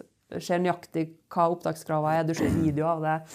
Mm. Eh, Du kan trene på det på et hvilket som helst eh, treningssenter. Ja. Og, ja, det er veldig lett å lese til opptaks... Men er det en bachelor, eller er det Hvordan fungerer det? eh, Nei, det er en fagskole. Ja. Så du tar et fagbrev? Ja, du tar et fagbrev. Så, Ja, du, gjør du det? Så du skal i utgangspunktet også ha eh, helst et fagbrev for å komme inn. Ja, okay. Men nå er det snakk om oh, Gud, Jeg husker ikke mange fagbrev da. Det var veldig mange. De De utvida den fagbrevkategorien ganske. Eh, eller du kan ha realkompetanse, som Ja. også gir deg grunnlag for å søke. Ja. Så må du selvfølgelig bestå, ha, ja, ha god vandel og ha et førerkort i to år minimum, fordi du skal gjennom lastebillappen på skolen. Så da er det et krav. Eh, også, ja, generelt. Men det står veldig bra på brannskolens side. Mm. Så fagskolen brann og redning. Eh, søk der, så har du hele smørbrødlista og menyen klar. Så det er noe helt annet enn når jeg prøvde å søke, i hvert fall. Ja, jeg skjønner. For flere år siden. Du tar meg som en livsnyter. Mm. Du lever litt i nuet, du gjør ting du har lyst til. Du bare gønner på og er veldig uredd. Spesielt når jeg tenkte over det når jeg leste, leste den innledninga di, som en veldig sjenert uh, jente, men nå blomstrer du jo som ja, det fyrverkeriet foran oss her. Det ser ut som ei som starta med å åpne døra litt. Og, eller ei som kjekk gjennom nøkkelhullet først. Og så var det bare 20 år. Voff! Here I am! I'm alive! Ja, men sånn, jeg er jo ikke så veldig glad i å være i spotlighten. Nei. Men jeg liker ikke å bli fortalt hva jeg kan og ikke kan. Nei, det er liksom Er noe jeg har lyst til, eller når jeg vil, så da gjør jeg det. Ja, og det heier jeg veldig på. Ja. For det, det er bare å hoppe i det, altså. ja, det er sånn der, jeg- ikke- Hvis du sitter og skal begrense deg, da, så da, da går du glipp av så mye i livet. Så det må ikke finne på. Da har vi faktisk kommet til vår aller siste spalte. Det er nemlig ti kjappe. Så det er sånn enten-eller-spørsmål. Sol eller måne, og så må du svare så fort som mulig. Vi får se. Er du klar? ja. Oppvarming eller rett på sak? Oppvarming. Jeg er blitt gammel. Proteinshake eller proteinbar? Eh, bar. Tren med eller uten pulsklokke? Med, helt klart. Iskulp eller varmt bad? Oh, varmt bad. Hater kaldt vann. Trondheim eller Tønsberg? Å, Trondheim. Hjemmetrening eller trene på gym? Gym. Jogge ute eller inne? Forsvaret eller brannvesenet? Brannvesenet. Tren med eller uten musikk? Med. Kaffe eller en energidrikk? Energidrikk. Vedlikehold på brannstasjon eller utrykning? Utrykning. Kostholdsplan eller freestyle-tallerken? Er freestyle. Langtur eller intervaller? Oh, langtur. Være brannkonstabel eller konkurrere i brannsport? Jeg er så heldig at du må være brannkonstabel for å konkurrere i brannsport. Ok. Se litt Den unna. der var litt sånn eh, Ja, OK. Under tvil. Under tvil. Soloppgang eller solnedgang? Mm, soloppgang. Luftforsvaret eller Sjøforsvaret? Nei, Luftforsvaret. Men hæren. Helst, da. Helst Ja, ja, hæren. ja. Ja. Snapchat eller Instagram? Eh, Instagram. Tren med eller uten samboeren? Sorry, Jens, men uten. Prioritere søvn eller trening? Og søvn. Backsquat eller frontsquat? Backsquat. Løst hår eller håret i strekk? Strekk. Generell oppvarming eller spesifikk? Eh, Begge deler. Konkurrere individuelt eller på lag? Vinne Firefit i Canada eller Firefighter Combat Challenge i USA? Åh. I år så blir det jo Firefit i Canada, da, som er Det er ikke det som er spørsmålet. Kutt ut. uh, mest prestisje er nok Combat Challenge i USA. Ja. Real eller story? Nei, jeg sier real. Ja. Ja. Morgenstund eller kveldsstund? Morgen. Utrykning i brannbil eller oppdrag i helikopter? Å nei. nei, uh, jeg savner helikopteret, så jeg må nesten si helikopter. Da. Ok. Hviledag eller aktiv hviledag? Er mest glad i aktiv hviledag. Eh, Crossfit-time eller bakkeløp? Nei, crossfit, må jeg si. La... Lag sjøl eller takeaway? Lag mat sjøl. Treningsdag eller fridag? Treningsdag. Sommer eller vinter? Ja, nå er jeg litt lei vinter, så jeg sier sommer. Lære bort eller lære noe nytt? Lære noe nytt. Arrangere mesterskap eller delta sjøl? Delta. Tøy ut eller reise rett hjem etter trening? Rett hjem. Brannsportmiks tandem med Lasse eller Fredrik? Oh. Nei, da må jeg velge Lasse. Har jo sterkest, tror jeg, da. Han får ta dukka på slutten. Hvis du skal springe tårnet, så velger jeg det. ja, jeg tror jeg hadde gjort det samme. Jeg hadde vært der, for å si det sånn. Trappa eller heisen? Heis. Nei, nei heis er galt. Neste. Nei, det blir trappa. Eh, Det er litt som rulletrappa. Jeg er ordentlig motstander heis. Eh, Ja, det skjer meg til og med bare med kofferter opp trappa, så ja, det blir trappa. Artig at du er engasjert i rulletrapp, for det er vår siste. I rulletrapp, står du eller går du? Går. Ja. Så snøfter jeg til alle som står. Artig å bli bedre kjent med deg. Du er virkelig en livlig dame, altså. Og for et liv du har levd og leder. Nå har vi jo bare Ja. pirka borti det. Ja, Ja, det er nettopp det vi har. Kanskje vi må pirke litt mer. eh. Ingen som gidder å høre på det? det Ja, men her var det altså så mye greier. Og det med det forsvarskarrieren din altså Du nevnte i bisetninga. Jeg var jo i Kosovo. Og så bare Hæ, har du vært i Kosovo? Men det snakker vi ingenting om. Nei. Nei, så her er det Ja, du har levd et liv, altså. Hvor Ja, jeg, jeg er ganske fornøyd sjøl, Ja. vil jeg si. Syns jeg Framover, da? Har du noen planer? Jeg skulle til å spørre hvor er mai om fem år. Ja, nei, jeg var litt inne på Tyskland, da. Har, Kødder du? eh, Tenker du faktisk på å flytte dit? Ja, faktisk. Gjør det? Tenker du å Ja. jobbe som brannkonstabel der, da? Og så Ja, bare være kjendis på si? Der er det jo mye mer utbredt å være frivillig brannmann, da. Ikke sant? Men uh, det kommer litt an på ja, mannen og hvordan eh, han gjør det på jobb. og litt sånne ting. Så det, er jo, det skjer jo ikke i morgen. det gjør jo ikke. Nei. Men sånn skjer for meg at når vi begynner å bikke rundt 50, kanskje, så hadde det vært en drøm om å Så bo i nærheten av Alpene, kunne kjøre, eh, stå på ski. Hvorfor ikke? Ja, kanskje ha Lev noen par livet. utleie- Lev utleieenheter. Ta imot gjester. Ha en svær gym. Vi har og drømt om gymmen. da. Den skal være svær, og det skal være alt mulig utstyr. og... Med et branntårn på 12,5 meter, eller? Ja, gjerne det. Nei, det blir kanskje litt drøyt, da. Men å ha en ordentlig sånn gressmatte med å dra slede og ja, passe på ja, at det er dere- runner. At dere starter opp en gym i Tyskland? Er det Nei, vi skal ha den sjøl, ja. Ja, sure, ja, ja, okay. For oss sjøl. Ja, okay. Ja. Og så kanskje hvis vi har utleienhet, så kan jo de få lov til å ha innpass. da. Ja. Eh, Barmarkstrening og litt sånn. Ja. Er du glad i ski, eller? Mm. Topptur og Ja, rando? elsker rando. Ja. Så jeg var på World Cup i helga, i Garmisch. Du var det? Var du det? Det var en av litt perks da, på å være sponsa av Hikes, da. For de Ah. sponser også World Cup-rennet i Garmisch. Så da var jeg VIP igjen, og da ble jeg henta på flyplassen. Ført rundt. Satt på VIP-tribunen sammen med Tor Hushov, faktisk. Det var Nei, kult, ja. Nei, hva i alle Så mannen min, han, mannen min er jo over norm sykkelinteressert og sportsinteressert. da. Så Ja. vi satt på VIP-tribunen sammen med den tyske da Hikes-representanten vår, som tok vare på oss. Og så ser vi Tor komme oppover, og så begynner han å gå inn der rekka vi sitter, og vi sitter bare og gaper og bare Og setter seg ved siden av oss, og vi bare Så jeg måtte jo liksom bare borti og bare Very big star in Norway, liksom. og så var det så Hei, og så var det? Og så bare Ja, får jeg lov til å ta bilde og sende til Dagotto? For jeg, kjenner jo Dagotto fra Ja, Kompani ja, ja. Lauritzen. Ja, visst han, gjør det ja, ja, det var helt greit. Ja. Og dem kjenner hverandre godt, Mm. ikke sant? ja, for de har jo det å ture rundt på tur og Tour de France og Ja. Ja, vi hadde jo en annen kar på podden for ikke lenge siden. Eh, Morten. ja. Morten, Morten Mørland. Ja, det var en sjef i Virke. Mm. Var en trening, treningskompis av Tor Hushovd. Ja. Mm. Verden er liten, ja, og det er artig at vi alle i hop treffes til slutt. Og du nyter verden, da. Herregud. Det, du er et forbilde. Altså, jeg blir jo litt sånn eh, Faen, jeg har lyst til å leve som deg, liksom. Ja, hvorfor sitter vi her? Hvorfor var ikke vi i Garmisch? Ja. Og hvorfor skal ikke vi flytte til Tyskland? Ja. Jeg- På brannkonkurranser får jeg jo vært mye plasser som jeg normalt sett kanskje ikke har dratt til. da. Og noen plasser tenker jeg at her trenger ikke jeg dra tilbake. Mens det er andre plasser som er kjempefine. Ja.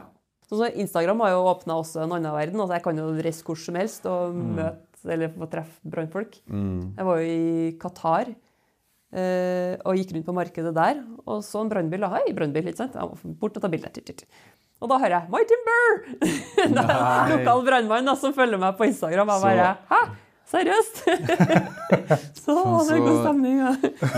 Liten verden har blitt, altså. Så happy go lucky. Ja. Hva du gleder deg aller mest til i 2024? Oh, jeg tror jeg Uavhengig, kan uavhengig, uavhengig av Canada eller Mm. brann eller Nei, det, det er flere ting, da. For det, vi skal jo da ha World Firefighter Games i Danmark. mm. Det tror jeg blir kult. I Ja. Aalborg. Så det gleder jeg meg skikkelig til. Ja, World Firefighter Games. Da Mm. skal jeg være med i Tøffest Firefighter Alive. Ja. Den er jo også veldig tøff løype, for det er jo ja, fire etapper. Og så du starter, eh, si klokka ti, da. Mm. Starter på første stasjon, gjennomfører den, og så er det ti minutter før neste start. Mm. Og sånn går det i fire etapper. Mm. Avsluttes med 15 etasjer trappeløp. Så da er du passe ferdig etterpå. etterpå. for deg. Lett. ja, men det er faktisk, jeg er mindre nervøs for den type konkurranse, for da blir det så langt Mm. enn den Combat Challenge Firefit. Mm. For da må alt klaffe så gærent, Mm. og det er så intenst og kort. Så du har liksom ikke tida til å ta deg en pust i bakken eller altså fortsette. Det, Det trappeløpet, er det felles start på en Eller er det single start? det er singel. Okay, Så der konkurrerer du konkurrerer 2-2 da. Du kan ikke ta igjen folk oppover? Bare, Nei. bare den du For det er hvert med? tiende minutt så starter 2-2. Ja, skjønner. Ja, ok. Hvor gammel er du? Jeg blir 44 i år. Ja. Ja. Tenker du mye på alderen og tida framover, eller? Eh, ja, altså jeg begynner, jeg begynner jo å merke at det røyner litt på, da. Ja. Sagt, altså, jeg har jo hatt det klippekortet på legevakta. Og det kjenner jo at de skadene de kommer jo oftere tilbake, og det er vanskeligere å restituere seg. og sånne, Jeg har en teori om at det er en ondt som konstant går rundt i kroppen. Så, oh, ja. en- så har jeg vondt i skuldra, og så går det over, og så et par dager etterpå så har jeg vondt i ryggen, og så går det over, og så par dager, altså, Ja, altså, ja, bare sånn. Så derfor hver eneste trening, 20 minutter, yoga, dynamisk oppvarming, ja, Mm. ta litt hensyn til det da, og litt sånne rehab-øvelser, og ja. Så jeg begynner å merke alderen når jeg gjør det. det. Jeg kjemper mot klokka på to områder, liksom. Det er liksom klokka i konkurranse og biologiske klokka mi som tikker og går. Det Ja, men- blir jo ikke noe lenger, men ja. Sånn er livet. Sånn er livet. sånn er livet. Men vi har faktisk snakka i to timer nå, og Nei, jeg da. tenker vi kunne nesten ha snakka i 22 timer, men eh, Ja, vårt. vi får ta igjen praten. Ja. Veldig trivelig å bli kjent med. Ja, vi skal nå i hvert fall følge med på vår kant. Wow. Eh, At det kan skjule seg så mye liv og røre bak et eh, Hva skal jeg si, en Instagram-profil eller et navn, da. Mm. Um, det var ikke det jeg så for meg i det hele tatt. egentlig. Ikke jeg heller. Ikke i det Ikke hele, det hele tatt. Så du, er Ja, ikke, ikke at vi var redd på noen som helst måte, men, eh, og ikke sånn at faen, hva skal vi snakke med hun med om en times tid? Men uh, nei, du tok oss litt på storm, altså. Ja, det var bra. Da kan jeg ta enda en utfordring. Ja, Bli med i NM Brannsport. Stille opp. ja men må Jeg skal, sørge være for, nei, jeg skal sørge for at dere får stille opp. det blir dritartig å Ja, ha fått jeg prøvd skal, det jeg skal skaffe dere utstyr. når, er- når er det? Det var Ok, 21. 21. 22. Ja. juni. Du inviterer. Jeg inviterer. Da stoler vi på det, så venter vi på invitasjonen. Ja. OK. Og med det så tenker jeg at det er på tide å runde av denne trivelige praten her. Wow, for et liv du har levd, og for et liv du lever. Eh, Jeg blir misunnelig, og blir og det jeg kjenner at jeg får Jeg blir veldig inspirert da, til å ja, høre hvordan liv du har. Du griper jo sjansen. Det er Carpe Diem eh, i feite bokstaver, Ja, det det. og jeg hyller det. Nei, jeg er helt enig. Altså. Jeg syns du kom inn her, og du tok oss med storm. Og Ja. den livsgnisten din, altså, den er jeg sjalu på. Eller, du, du tente en gnist i meg, gjorde du faktisk. Jeg blir Har du lyst til å bli brannkonstabel? Nei, kanskje ikke det, men jeg har lyst til å bare gripe livet på den måten du gjør det på. Ja. Det er faktisk så enkelt. Ja, det er det. Eh, og jeg håper kanskje at en gnist ble uh, tent hjem til dere, kjære lytter, kjære seere. Ikke i form av flammer, sånn at brannvesenet må komme på besøk. Ja, Hvis mai kommer, så er det greit. Jeg er ikke å si det, men jo da. ja, eh, og tusen hjertelig takk for følget. Nye episoder hver torsdag. Takk eh, og farvel. På gjensyn og på gjenhør.